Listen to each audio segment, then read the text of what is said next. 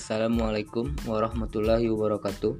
Perkenalkan nama saya Fahrid Fajri Jawanda, NPM 2013 2010 48, Prodi Kesehatan Masyarakat semester 2. Baiklah, di sini saya akan menjelaskan sebuah tema besar yang saya tarik tentang ketahanan nasional. Yang pertama, saya akan menjelaskan tentang pengertian ketahanan nasional. Ketahanan nasional adalah Suatu kondisi dinamis, suatu bangsa yang terdiri atas ketangguhan serta kehulatan dan kemampuan untuk mengembangkan kekuatan nasional dalam menghadapi segala macam dan bentuk ancaman, tantangan, hambatan, dan gangguan baik yang datang dari dalam maupun luar.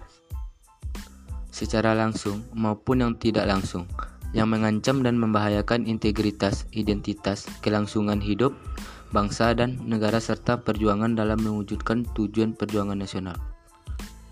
Oleh karena itu, diperlukan suatu konsepsi ketahanan nasional yang sesuai dengan karakteristik bangsa Indonesia.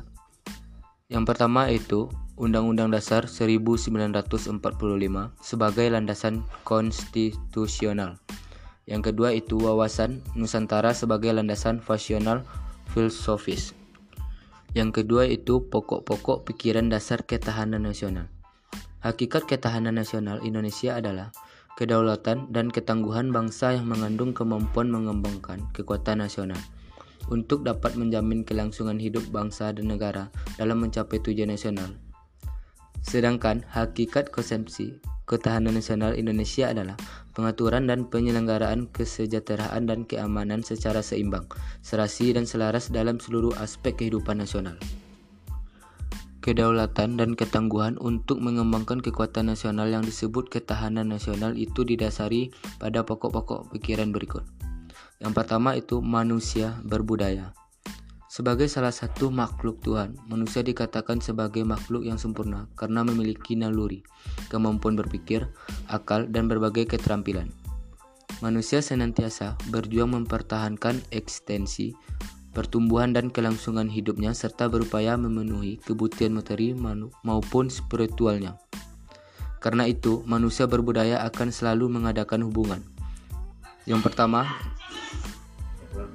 dengan Tuhan disebut agama. Yang kedua, dengan cita-cita disebut ideologi. Yang ketiga, dengan kekuatan atau kekuasaan disebut politik. Yang keempat, dengan pemenuhan kebutuhan disebut ekonomi. Dan yang terakhir yaitu dengan manusia disebut sosial. Yang ketiga itu beberapa ancaman dalam dan luar negeri. Beberapa ancaman dalam dan luar negeri telah dapat diatasi bangsa Indonesia dengan adatnya tekad bersama-bersama menggalang kesatuan dan kecintaan bangsa. Berbagai pemberontakan PKI, RMS atau disebut juga dengan Republik Maluku Selatan, PRRI, Permestah dan juga gerakan separatistis di Timur Timur yang pernah menyatakan dirinya berintegrasi dengan Indonesia meskipun akhirnya kenyataan politik menyebabkan lepasnya kembali daerah tersebut. Ancaman sprastis dewa, dewasa ini ditunjukkan dengan banyaknya wilayah atau provinsi di Indonesia yang menginginkan dirinya merdeka lepas dari Indonesia seperti Aceh, Riau, Irian, Jaya. Yang keempat itu asas-asas ketahanan nasional. Yang pertama, asas kesejahteraan dan keamanan kesejahteraan dan keamanan dapat dibedakan tetapi tidak dapat dipisahkan dan merupakan kebutuhan manusia yang mendasar dalam kehidupan bermasyarakat, berbangsa, dan bernegara. Yang kedua itu asas komprehensi atau menyeluruh terpadu. Artinya, ketahanan nasional mencakup seluruh aspek kehidupan. Aspek-aspek tersebut berkaitan dalam bentuk persatuan dan perpaduan secara selaras, serasi, dan seimbang. Yang ketiga yaitu Asas kekeluargaan. Asas ini bersikap keadilan, kebersamaan, kesamaan, gotong royong, tanggung rasa dan tanggung jawab dalam kehidupan bermasyarakat, berbangsa dan bernegara. Dalam hal hidup, dengan asas kekeluargaan ini diakui adanya perbedaan dan kenyataan real ini dikembangkan secara serasi dalam kehidupan kemitraan dan dijaga dari konflik yang bersifat deskriptif. Ciri-ciri ketahanan nasional merupakan kondisi sebagai persyarat utama bagi negara berkembang difokuskan, difokuskan untuk mempertahankan kelangsungan hidup dan mengembangkan kehidupan.